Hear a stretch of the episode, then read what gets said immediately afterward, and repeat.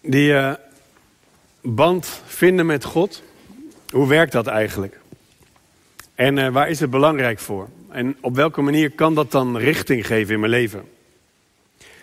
En als ik dan twijfel, hoe moet ik daar dan mee omgaan? En hoe kan ik omgaan met kritische vragen van mensen die niet in God geloven? Wat is mijn pad?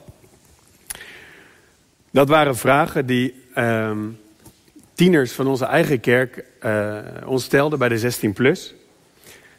En ik wou met die vragen als een soort bril op de tekst gaan lezen uh, van vanochtend. We zoeken naar een voorbeeld van mensen die iets laten zien van hoe het is om met God te leven. En in dat verhaal gaan we dan twee mensen ontmoeten. Elia, profeet. En een uh, vrouw die haar man heeft verloren. Um, ze komt uit Sarfat en daar wordt ze de weduwe van Sarfat genoemd. En God die laat dan allebei zien wie hij is. En uh, dan moet je ook nog weten dat Agab is een koning die precies en expres niet doet wat God wil. Hij maakt de verkeerde dingen belangrijk. Hij vermoordt de profeten en stilt van de mensen voor wie hij zou moeten zorgen. Een beetje Poetin-achtig. En dan komt Elia. En dan lezen we in uh, 1 Koningin 17. De Tisbiet Elia uit Gilead zei tegen Agab... Zo waar de Heer leeft, de God van Israël, in wiens, in wiens dienst ik sta...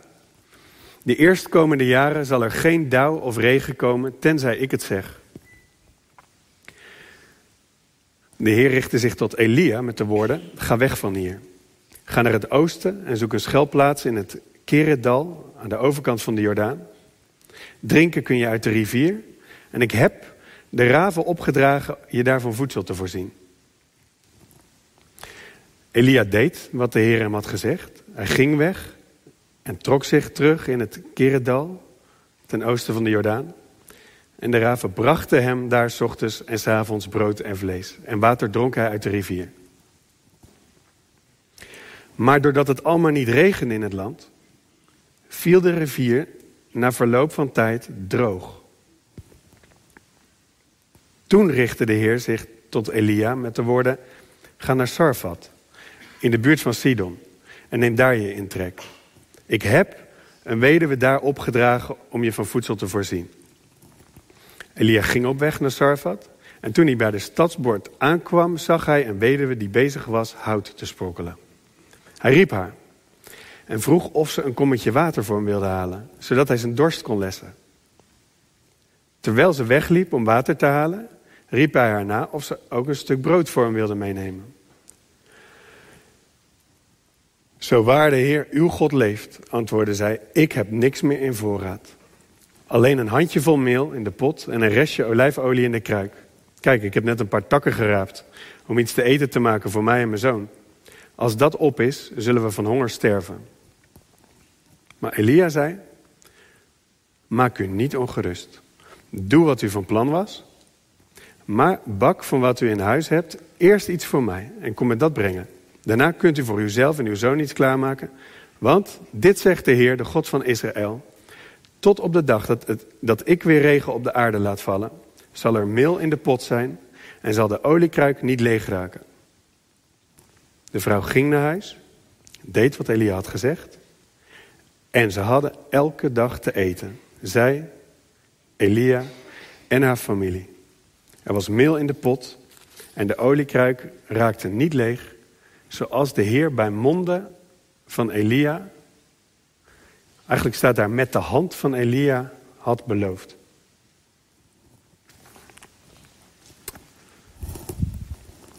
Dat is het woord van God.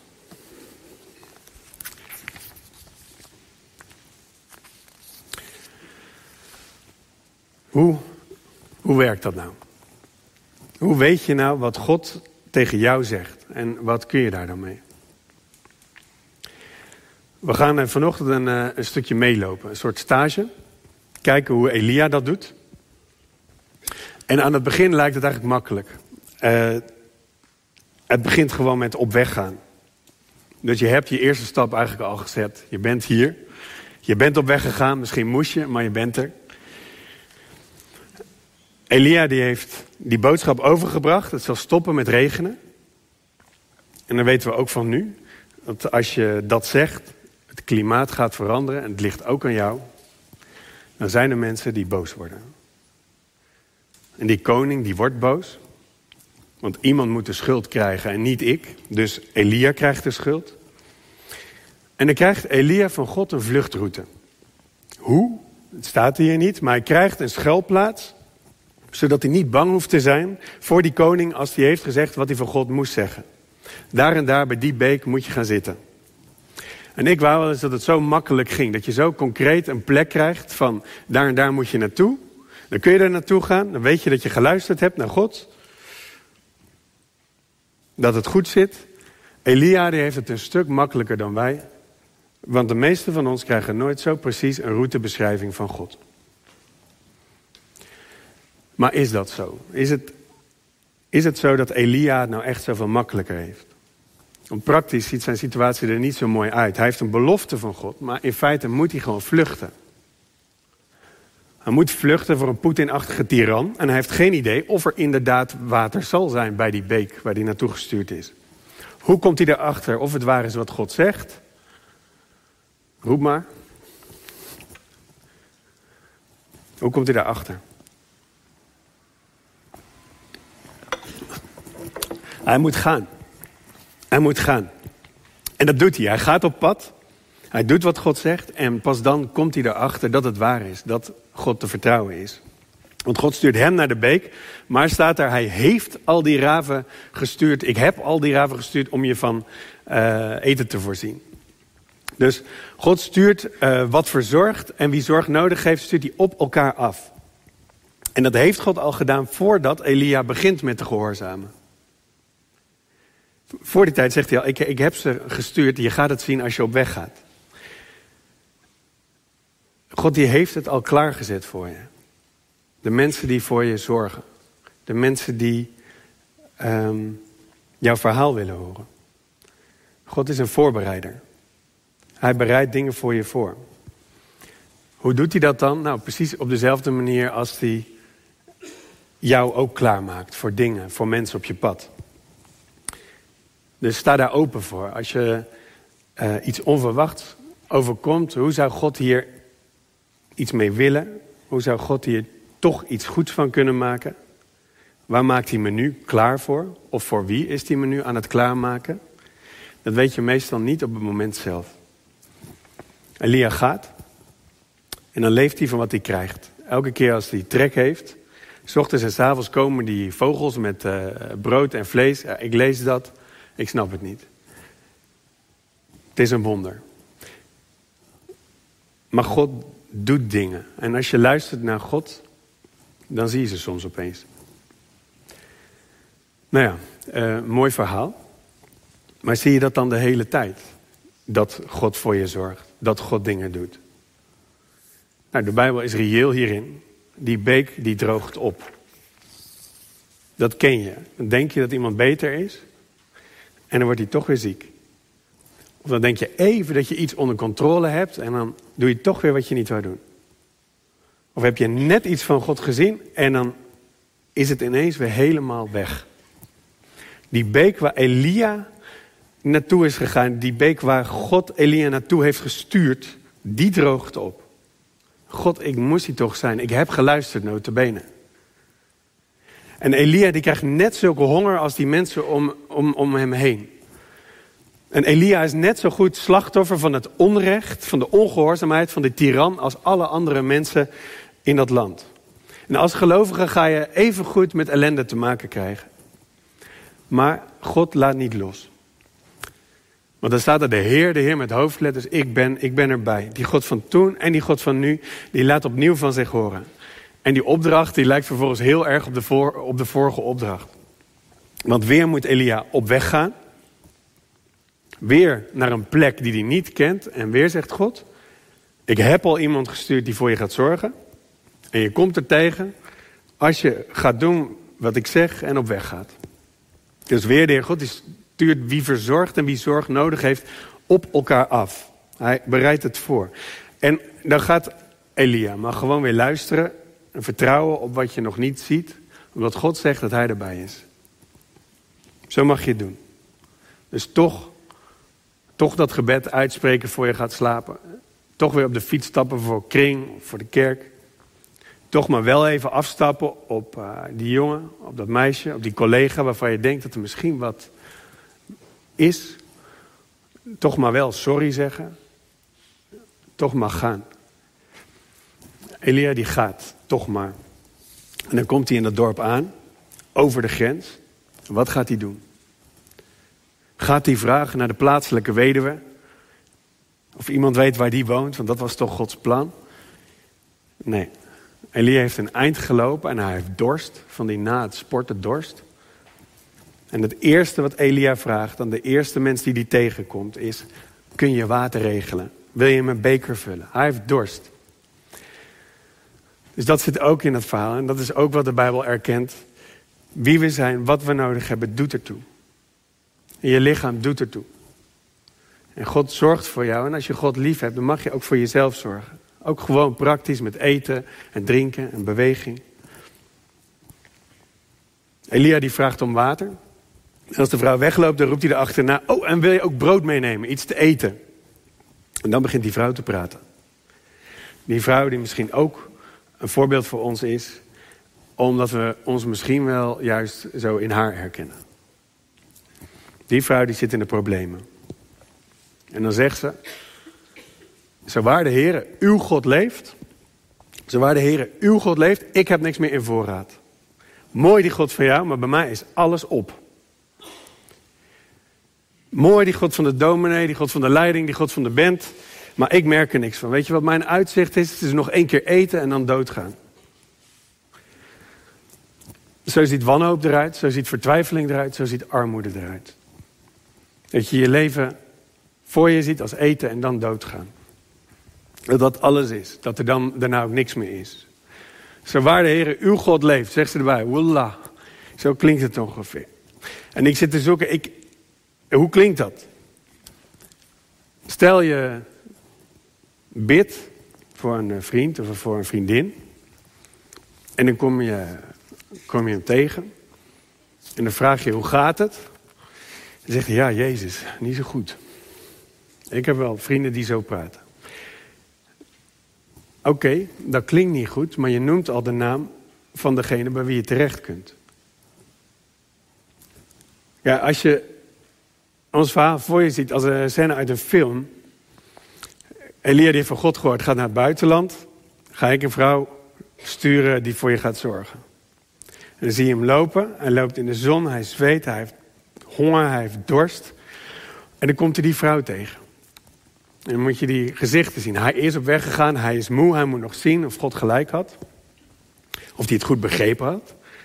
En die vrouw die die aanspreekt is ook moe en bang voor wat er komen gaat. Heeft zorg op de gezicht. En het eerste wat zij tegen hem zegt, zo waar de Heer uw God leeft. Dan moet er toch iets van een, van een glimlach op dat gezicht van Elia uh, komen. Want die, die, die vrouw die noemt God. Maar als je dan kijkt naar het gezicht van die vrouw, zij, zij zegt iets heel verdrietigs. Zij heeft hier nog helemaal niet door dat zij Elia troost door er gewoon te zijn. Dat God zichzelf laat zien door haar heen. Zelfs door haar twijfels heen. Dat God door haar heen tegen Elia zegt: Ik ben er toch. Ik ben er toch. Kijk om je heen hier in de kerk. Ik ben er toch, zegt God. Wij hebben elkaar hier ook van God gekregen. En het is goed dat je hier bent, ook als je twijfelt of als je er op dit moment helemaal niks mee kunt. Elia, die hier in zijn geloof bevestigd wordt, die is net zo erg van God afhankelijk als die vrouw die het even helemaal niet meer ziet zitten. En wij hier in de kerk zijn net zo goed van God afhankelijk als die twee toen. Wij zijn net zo goed aan elkaar gegeven.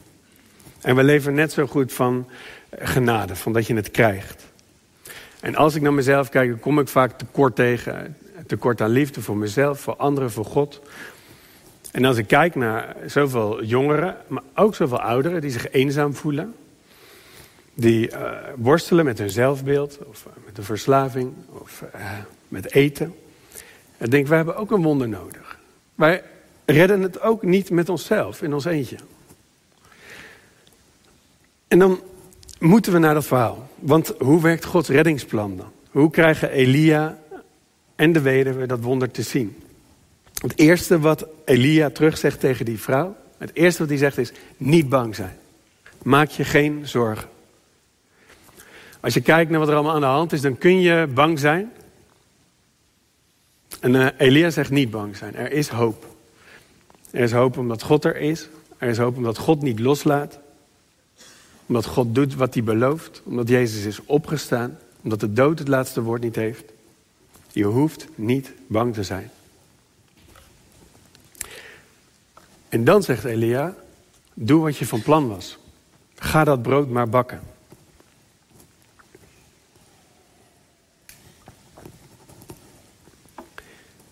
De meeste dingen die je doet zijn prima. Doe wat je van plan was. Maar het belangrijkste, wat zij op dat moment het belangrijkst vindt, dat waar haar leven uiteindelijk om draait, dat moet ze wel omgooien. Dat is de uitnodiging, daar mag iets veranderen. Elia zegt niet eerst jezelf proberen te redden. Eerst vertrouwen op wat je nog niet ziet. Eerst delen. Eerst luisteren. Eerst luisteren ook naar wat God zegt. En dan pas, met dat in je achterhoofd, verder met wat je van plan was. En sommige dingen die kun je dan gewoon blijven doen. En met sommige dingen moet je dan stoppen. Maar de vraag is, wil ik, wil ik luisteren naar wat God zegt? Wil ik bij hem horen? Nou, misschien wil ik dat wel. Uh, maar waar kom ik dan terecht? En uh, ik twijfel. Wat moet ik dan? Nou, met dat ding van die band in je achterhoofd, vertel dat ook maar tegen God. Uh, dat kan hij wel aan. En uh, volgens mij is God het ook gewend. Want kijk maar naar alle profeten, alle discipelen, praktisch alle mensen in de Bijbel, die hadden geen idee van waar ze heen zouden gaan of waar ze terecht zouden komen. Gods plan is niet een app van de NS. Ik krijg niet te horen van hoe laat je waar precies wilt aankomen. Maar Gods idee is een relatie. Dat je vertrouwt, dat je deelt, dat je met vertrouwen op weg gaat. En gaat doen wat hij zegt op de plek waar jij hoort, op de plek waar jij bent. En dan gaan je ogen open voor de wonderen die God doet. Voor de dingen die hij heeft voorbereid. Mevrouw, zegt Elia, ik zie dat je honger hebt. En dat je zoon ook honger heeft. En toch zeg ik je, vraag ik je, bak eerst wat brood voor mij. En daarna pas voor jezelf en, en voor je zoon. Waarom? Hoe kan hij dit doen? Hoe kan Elia die vrouw zoiets moeilijks vragen? Hoe kon hij dit maken? Ik bedenk nu, er zitten ook wel patriarchale structuren achter... waardoor hij dacht dat hij dat kon maken. Um, maar ik geloof ook, als ik één vers verder kijk... dat hij het kon maken omdat God het had gezegd. Ik heb een weduwe gestuurd om je van voedsel te voorzien. Dat heeft de Heere God net tegen Elia gezegd. Wat zegt hij dan tegen mij? Nou, dan komen we zo. Maar nog steeds ziet die weduwe dat niet. En nog steeds merken wij er soms weinig van. Maar die weduwe die luistert. Ze doet wat Elia vraagt. Ze bakt. En dan eten ze samen. Zij, Elia en de mensen in haar huis staat er. Er is genoeg voor al die mensen en het raakt niet op. Dat is hoe God is. Zo laat hij zich aan je zien als je het niet meer ziet zitten. Zo laat hij zichzelf zien aan Elia, die gewoon honger en dorst had. En zo laat God zichzelf zien in de Heer Jezus, als hij zoveel mensen te eten geeft. Zo laat hij zich zien elke keer dat hier de maaltijd gevierd wordt. Hij deelt, hij geeft zichzelf. En zo laat God zichzelf zien op alle plekken waarin zijn naam gedeeld wordt. Hij laat zich zien als je in Gods naam deelt, dus deel in Gods naam. Of het nou het delen van jouw brood, van jouw eten, van jouw geld, van jouw tijd is. Of het delen van jouw verhaal. Dat is de uitnodiging. En ik wil je daar zelf ook toe uitnodigen. Jouw verhaal Blijf er niet in je eentje mee rondlopen. En als je een geheim met je meedraagt, of iets wat jou tot wanhoop drijft, je kunt hier terecht. Zijn zometeen mensen daar bij de staattafels bij wie je terecht kunt. Mensen die na afloop van de dienst met je willen meedenken, je verhaal willen aanhoren, uh, met je willen bidden. En anders zoek iemand die je kent, die je vertrouwt. Blijf er niet alleen mee rondlopen. Je kunt terecht. En nog een uitnodiging. Wees zelf iemand bij wie mensen terecht kunnen. Vraag of God zo iemand van je maakt. Oefen je erin. En als je denkt dat God iets van jou vraagt, of iets tegen jou zegt, of als je denkt dat je namens God iets tegen iemand mag zeggen, deel het maar. Probeer het maar uit. En let dan op hoe iemand reageert. Luisteren. Maar dan merk je vanzelf wel of het inderdaad bij God vandaan kwam. Aan de vruchten ken je de boom. Deel. En wat zegt God dan? Nou ja, daar hebben we al over gezongen. God, God zegt, ik ben je herder. Jou ontbreekt niets. Je hebt niet tekort, je bent niet tekort. Dat is wat je gaat zien in verbinding met God. Je bent genoeg, God heeft genoeg gedaan. Jouw tekort wordt opgevuld en dan is er ook geen tekort meer in zijn ogen.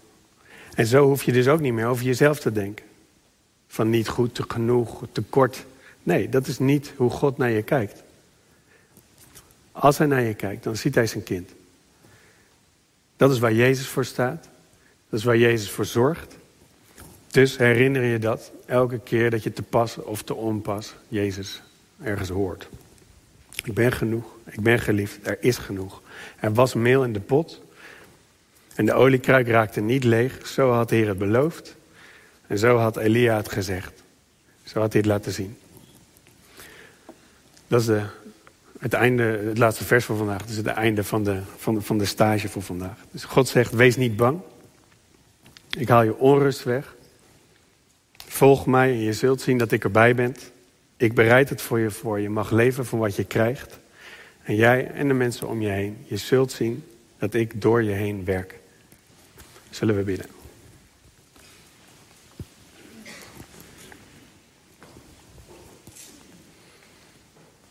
Heer God, trouwe Vader, dank u wel dat u het aandurft om door ons heen te spreken. Zelfs als we onszelf daar misschien helemaal niet uh, klaar voor voelen. Wilt u ons vertrouwen in u geven? Dank u wel dat het dorre en de dood het laatste woord niet heeft. Dat u bent opgestaan, dat u leeft. Wilt u die levenskracht geven aan de mensen die dat juist vandaag zo hard nodig hebben? Nee. Ik wil uh, vanochtend in het bijzonder bidden voor de jongeren van de kerk. Jongeren hier, jongeren die op kamp zijn, jongeren die uh, lekker in bed liggen op dit moment. Wilt u voor ze zorgen? Wilt u ze beschermen, veilig laten opgroeien? En als kinderen gepest worden, wilt u geven dat het stopt? Wilt u vrienden geven en vrienden van ons maken? Wilt u uh, nieuwe kracht geven en moed om een goed voorbeeld te zijn? Heer God, we bidden u ook, uh, wees u bij ons als we zelf op dit moment niet weten welke stap we moeten zetten. Concreet in een studie, of in een relatie, of in een verkering, of in een vriendschap. Wilt u richting geven? Wilt u ons laten zien welke kant we op mogen gaan? Wilt u mensen geven? Wilt u ontmoetingen geven? Die ons verder helpen en die ons moed geven? En wilt u ook van ons zulke mensen maken? Mensen door wie u heen werkt, door wie u heen spreekt. Leid ons, Heer. Vraag u om Jezus wil. Amen. Voor de kijkers thuis. We gaan de livestream zo meteen beëindigen. Fijn dat u op deze manier met ons verbonden was. De goedheid en de genade van Jezus Christus, de liefde van God de Vader en de kracht van de Heilige Geest, de Geest van Jezus, is er voor u alle dagen van je leven. Amen.